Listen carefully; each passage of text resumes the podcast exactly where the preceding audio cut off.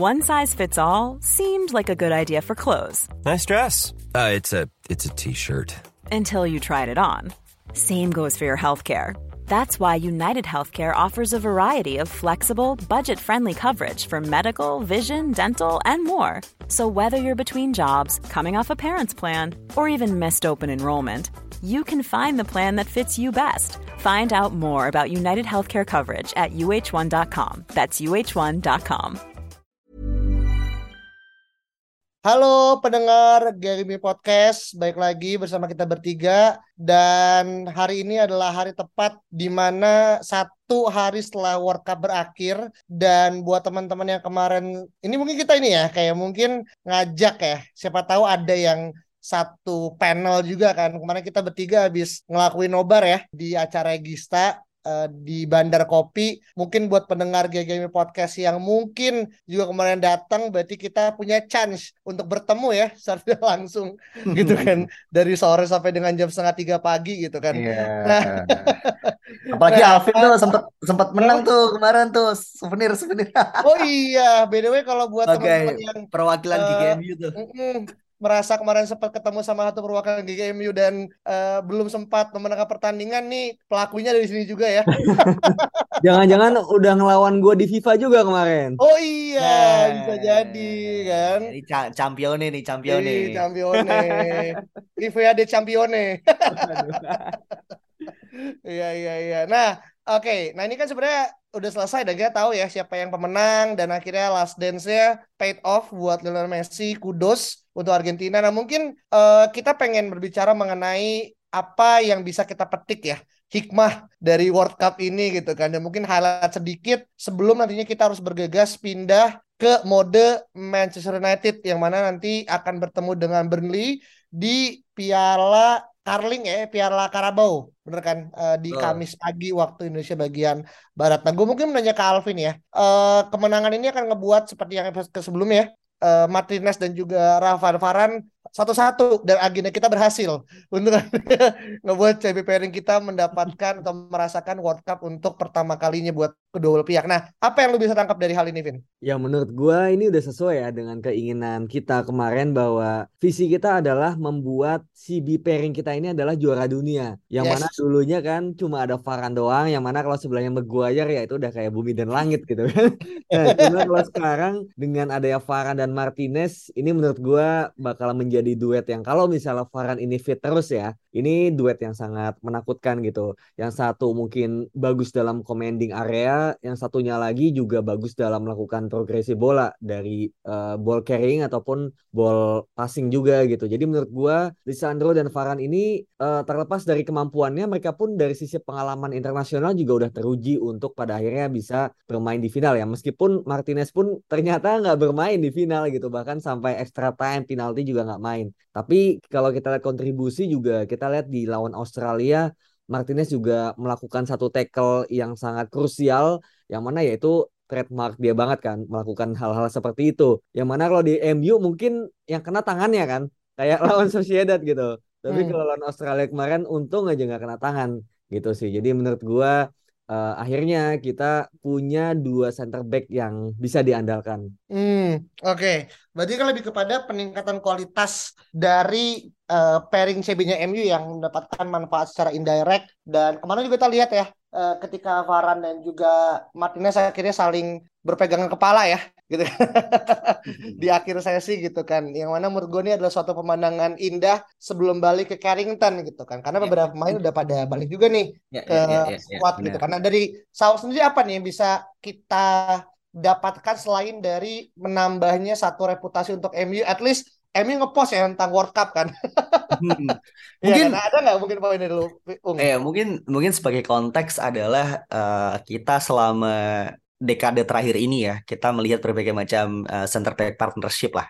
Mulai dari Smalling Rojo gitu ya, mulai dari Smalling Blin, mulai dari eh, Jones dan juga eh, Chris Smalling gitu, siapa pun lah eh, itu ah, bahkan Johnny Evans segala macamnya gitu. Dan sekarang kita punya dua center back, dua-duanya eh, World Cup Champions itu menurut gue salah satu pencapaian yang cukup luar biasa sih gitu ya, khususnya di klub level gitu, bahwa memang ini uh, semacam renaissance ya, kebangkitan lah bagi Manchester United gitu. Dan gue juga sempat baca gitu, uh, Ten Hag juga katanya ingin membawa pemain-pemain bintang lainnya gitu ya, world class player ke United untuk mempertahankan status klub besar ini gitu dan dengan mempunyai dua center back di Martinez dan Varane sebagai World Cup Champions menurut gue sih ini sebuah pondasi yang luar biasa sih. Hmm, oke. Okay. Nah, berarti kan poinnya kan adalah bagaimana ini baik lagi ya menambah kualitas dari skuadnya ini dan gue cukup yakin ya ini akan ngebuat self confidence-nya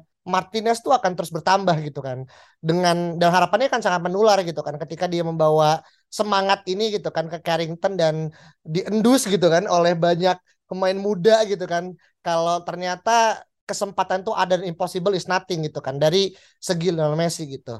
Nah, kalau kita ngelihat secara uh, apa ya, team of the team of the tournament ya gitu. Ini gue menggunakan berbagai macam sumber referensi tapi mungkin teman-teman bisa juga ya.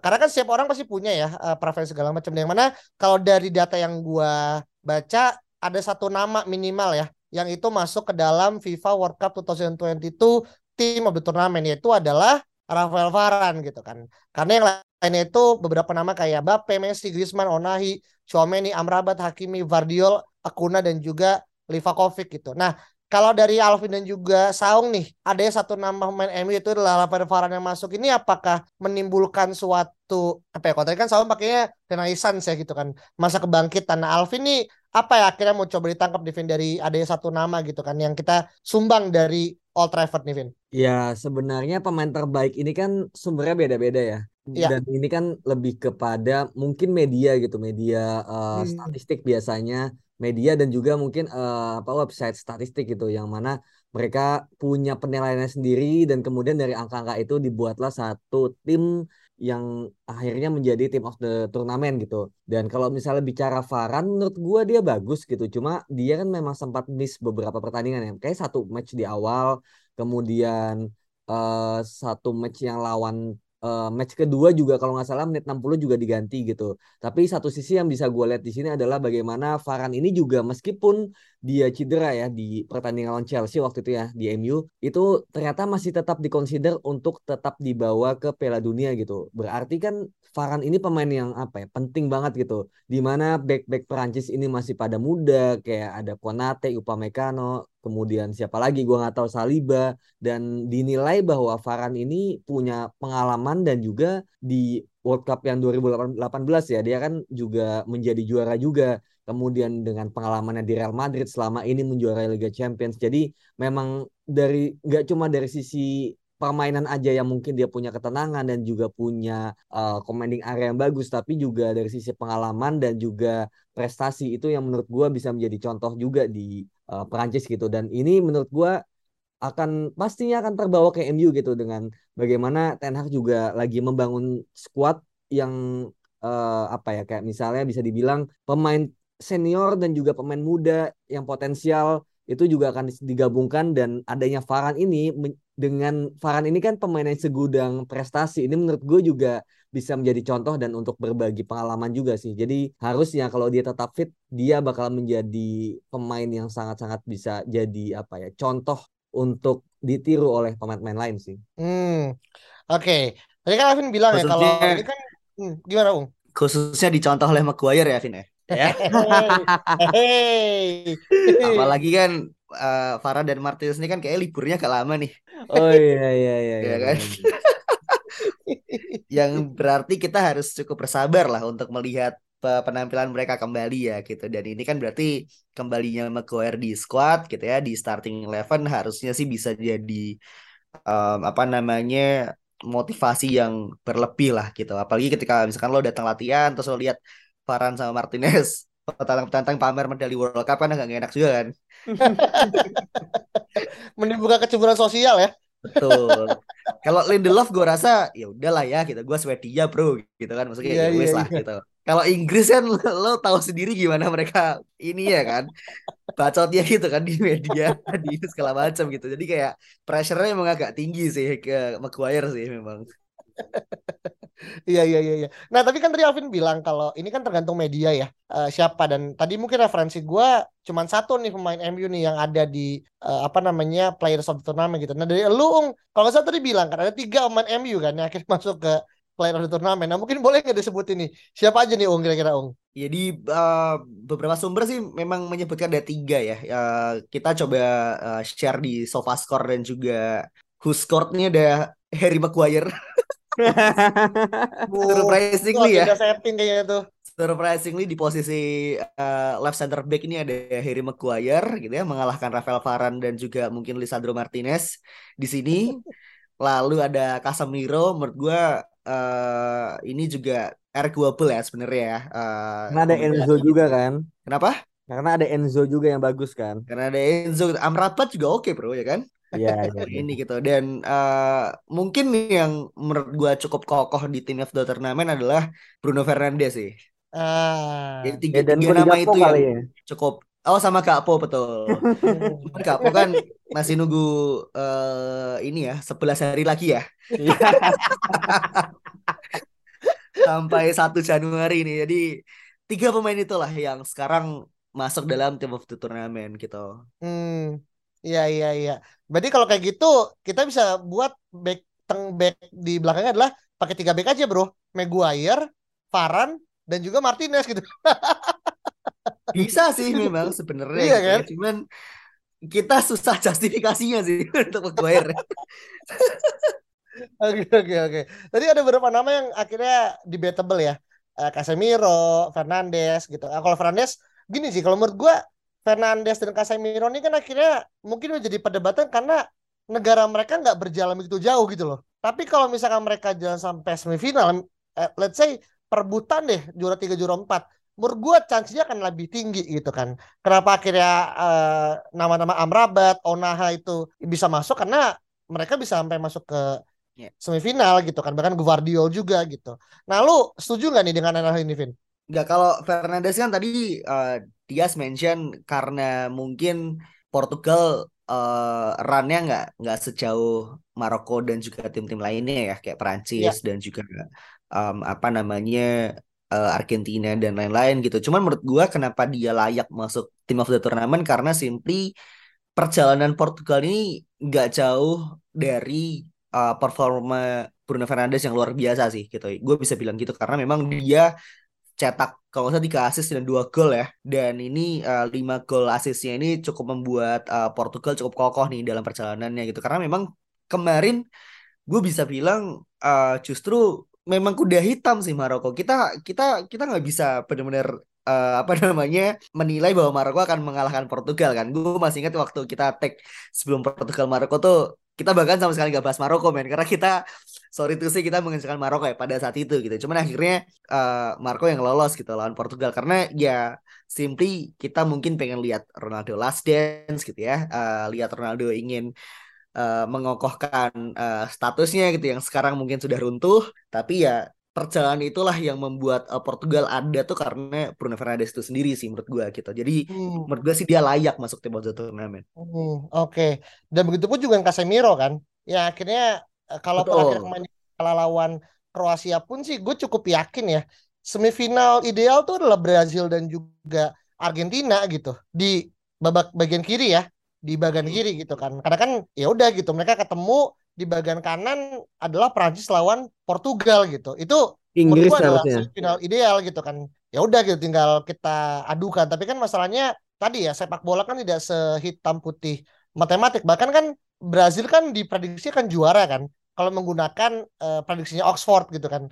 Mungkin kalian juga pernah dengar tuh kan kemarin Oxford apa namanya apa namanya mengeluarkan apa namanya uh, prediksi kan dengan kalkulasi matematik gitu kan Brazil yang juara ternyata kalah gitu kan bahkan di babak 8 besar gitu ya mungkin kalau menurut coach Justin ini kardus of the prediction gitu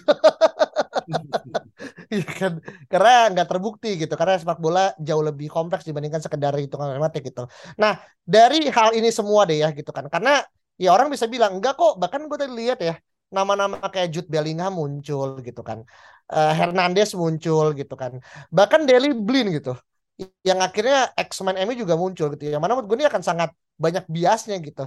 tergantung dari siapa tapi yang udah pasti selalu ada adalah Messi dan juga Mbappe plus Griezmann kali ya yang itu udah mungkin most likely akan muncul segala macam gitu. Sebelum kita pindah ke MU lawan Burnley nih yang akan kita akan hadapi besok ada nggak semacam kayak apa ya summary of the tournament gitu? Yang itu nanti ada sangkut paut dengan bagaimana MU yang akan menghadapi winter uh, market gitu kan. Untuk akhirnya bisa melihat pola-pola atau bahkan kayak belanja main seperti apa yang bisa kita lakukan dari grafik pemain di World Cup nih Vin. Kalau misalnya summary of the tournament menurut gua di turnamen kali ini ya Piala Dunia 2022 Qatar ini adalah banyak pertandingan yang tidak bisa kita prediksi gitu. Dalam arti semuanya unpredictable dan juga jujur ya, salah satu pertandingan yang mungkin gue juga sempat salah untuk perhitungkan adalah ya Portugal Maroko, kemudian um, Brazil dan juga Kroasia itu benar-benar membuat semua orang tuh pasti terkaget-kaget gitu. Kayak Maroko ini meskipun bagus tapi setidaknya ya masa sih ngalahin Portugal gitu yang mana kita juga tahu gitu. Sepertinya settingannya udah Messi lawan Ronaldo kan kayak gitu. Ya. Nah, ternyata ada hal-hal lain di luar itu gitu, ada jalur langit ternyata yang mana bikin Maroko ini ternyata bisa melenggang sampai ke semifinal gitu dan Kroasia juga menurut gue ya itu menurut gue kesalahan taktik aja sih dan approach ya yang salah dari pelatihnya Brazil yang terlalu jumawa dan juga terlalu ofensif jadinya menurut gue ini juga sebenarnya nyambung juga gitu sama MU yang pertandingannya juga unpredictable gitu. Kita mungkin memprediksi MU menang, cuma ternyata hasilnya seri atau kalah gitu. Itu juga udah biasa kan gitu. Jadi menurut gua apa pun itu kayak Bruno Fernandes dengan skor dia yang mungkin di sofa skor dan who score yang sangat tinggi dan kalau kita lihat nilainya juga mungkin paling tinggi ya di antara yang lain kita bisa lihat kalau misalnya nggak kepleset lawan Maroko, mungkin Bruno ini bisa benar-benar jadi pemain terbaik yang liter-liter terbaik gitu, melihat kontribusinya selama ini. Cuma memang karena satu kesuaian aja dan juga kemudian mentality yang udah terlanjur jatuh, pada akhirnya nggak bisa naik lagi gitu. Yang mana kita bisa bayangkan Bruno ini bisa menjadi pemain terbaik kan itu juga sebetulnya nggak ada dalam bayangan kita gitu aja sih. Menurut gua ini adalah Piala Dunia yang ya sangat nggak bisa kita prediksi lah hasil-hasilnya. Tapi kalau Bruno itu atau Portugal tuh masuk final, bro, dan Bruno, dan Bruno jadi player of the tournament, gue takut dia bakal ke Madrid.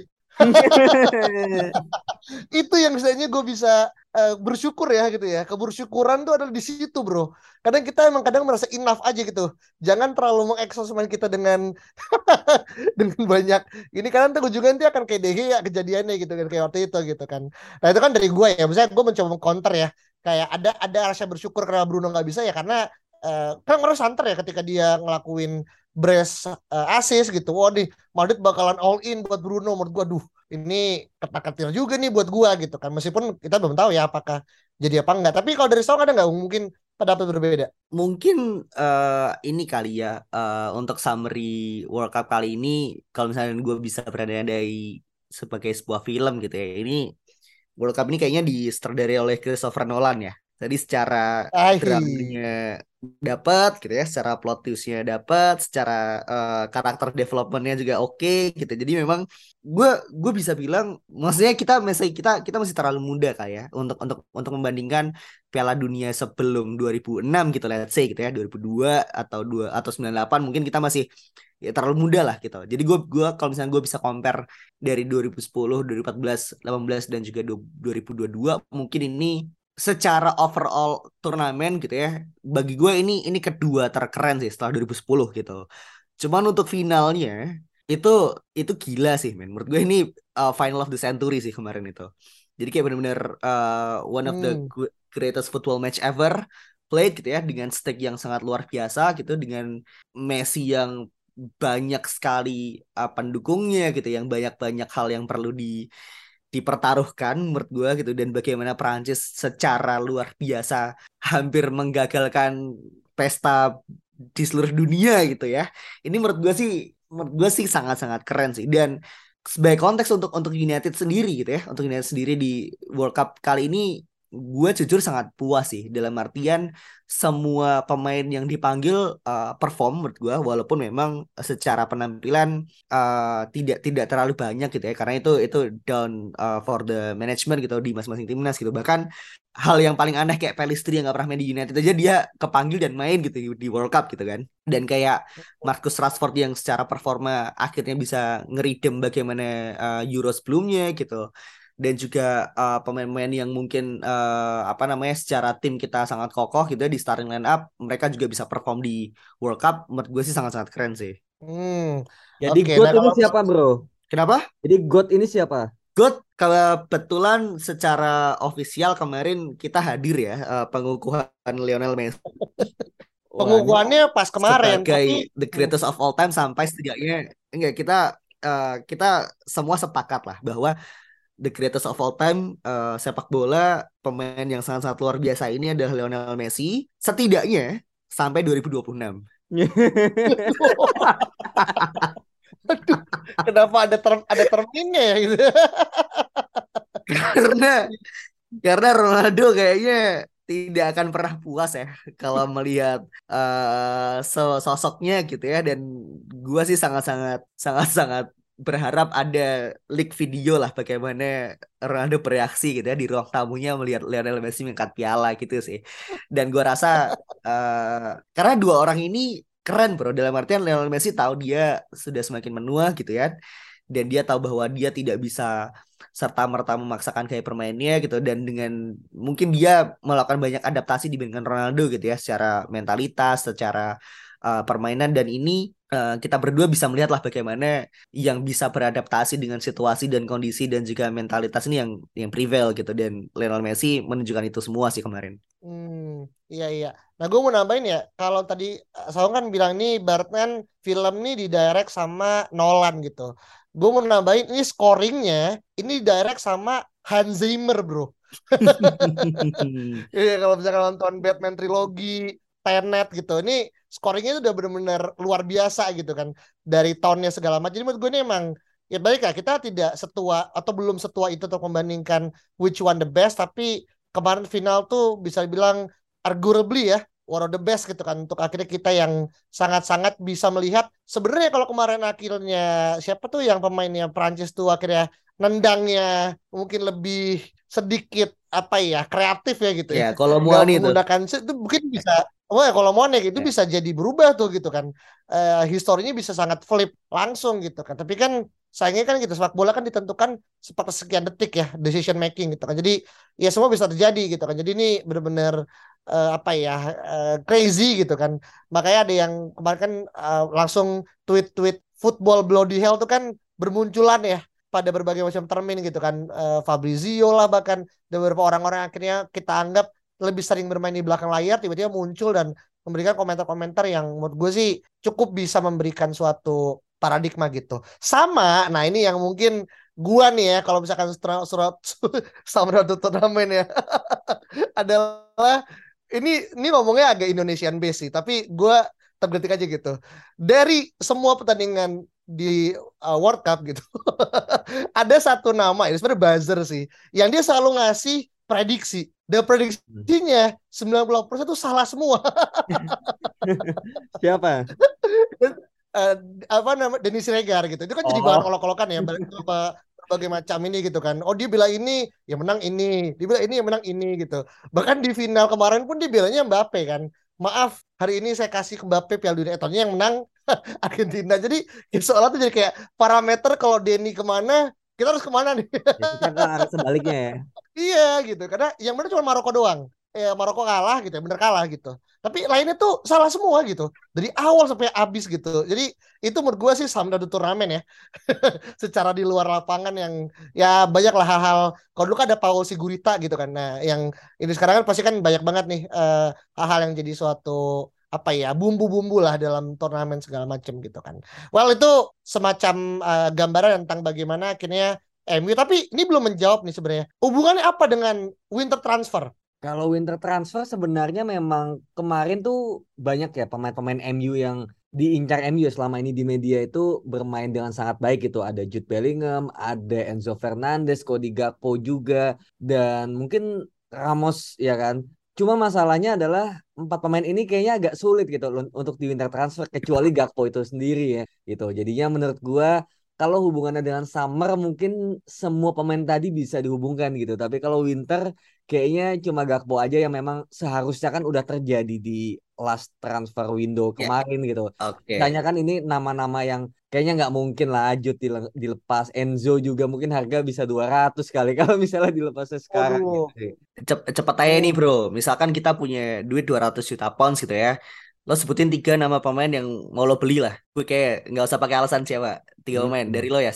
200 Kalau juta gua pounds. sih, hmm, gua satu pasti De Jong ya itu tetap jadi unfinished Oke. business. Eh, kedua, at, let's say De Jong gua harga di angka 65-70. Eh, 45-nya gua akan spend ke Gakpo. Sisanya all in for Enzo sih.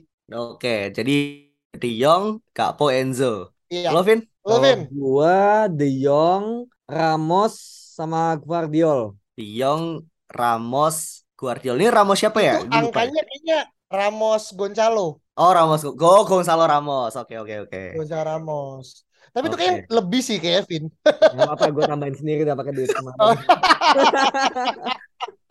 Kalau Oke. iya, kalau boleh. gua Lonzie, gue beli Amrabat sama sisanya 170 juta buat Mbappe sih, Bro. Anjir. Gak ketebak sih. Gak ketebak, gak ketebak. Ini tuh paling bener tuh. Iya. Ya setuju sih Amrabat sih. Ya, Amrabat ya. Amrabat setuju ya. sama bek kiri kita beli ini ya, apa Ati apa yang ada Allahnya itu. Oh, ah, oh iya iya iya iya. Oh iya, iya iya iya iya iya. Itu bahkan melebihi Itu minjem aja, Bro. Oh, Loan minjem dulu ya? aja, Bro. Loan dulu. Udah warna Lonzie ya kan.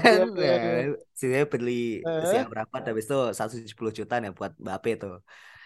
Iya iya. Nggak mau iya. Messi nih ya. Tapi Amrabat emang Apa? Hmm. Nggak mau Messi ya. Tapi emang Amrabat Amrabat kan main di ini juga kan, main di Fiorentina kan sekarang kan? Amrabat tuh Fiorentina bener. Maksudnya secara secara Iya, duit Fiorentina kan. masih bisa lah lo eh, apa over 30 juta misalnya I mean still oke lah gitu ya untuk Amrabat gitu dan dan Hmm. eh, Ziyech kan juga kita semarin sempat santer kita mau loan kan gitu. Ya udah tinggal sisanya Mbappe all Iya. in ya kan. Messi All in bid iya. Messi menurut gue oke sih kalau dia ingin membuktikan bahwa dia good sesungguhnya ya dengan juara Premier League gue rasa oke-oke sih. Iya iya iya Mengukuhkan iya, iya, iya. Iya. Dan Amrabat juga masih usia produktif 26 tahun dia gitu. Jadi menurut sih why not ya untuk eh, coba-coba sebagai penggantinya Casemiro untuk ele FA lah gitu atau piala apa namanya UEFA menurut gue sih masih aman sih. Kalau emang misalkan mau gitu kan mencoba ini segala macam gitu. Nah, paling gitu ya terkait dengan 200 juta nih budgetnya kita mau bawa ke mana yang satu agak sedikit eh kalau gue gue ngerasa itu make sense. Uangnya cocok angkanya juga aman gitu. Kalau Alvin dia nombok ya by the way gitu. Nombok uang sendiri. Kalau Saung ini emang tipikal yang penjudi. Jadi dia all in untuk satu gitu kan. All in ya bro. Nah, Yoi. Nah, mungkin teman-teman yang mendengarkan episode kali ini eh, spesifik pertanyaan adalah lebih prefer ke siapa? Lebih ke prefer kepada gua gitu kan, yang si eh, apa namanya ya ekonomikal gitu. Tahu lah dia ke mana atau ke Alvin yang eh, filantropis ya gitu. Dia berani untuk ngasih uang lebih gitu kan untuk suatu kesuksesan atau ke penjudi gitu. Kayak Saung gitu. yang berani untuk satu invest di satu tempat yang high risk high return gitu kan. Nah, teman-teman silakan pilih langsung aja kalau udah jawabannya eh, tulis di Twitter kita ya di @ggmi_podcast dan kita ketemu lagi pada episode berikut ya. Bye bye. Even when we're on a budget, we still deserve nice things. Quince is a place to scoop up stunning high-end goods for 50 to 80% less than similar brands. They have buttery soft cashmere sweaters starting at $50, luxurious Italian leather bags, and so much more. Plus, Quince only works with factories that use safe, ethical, and responsible manufacturing. Get the high-end goods you'll love without the high price tag with Quince. Go to quince.com/style for free shipping and 365-day returns.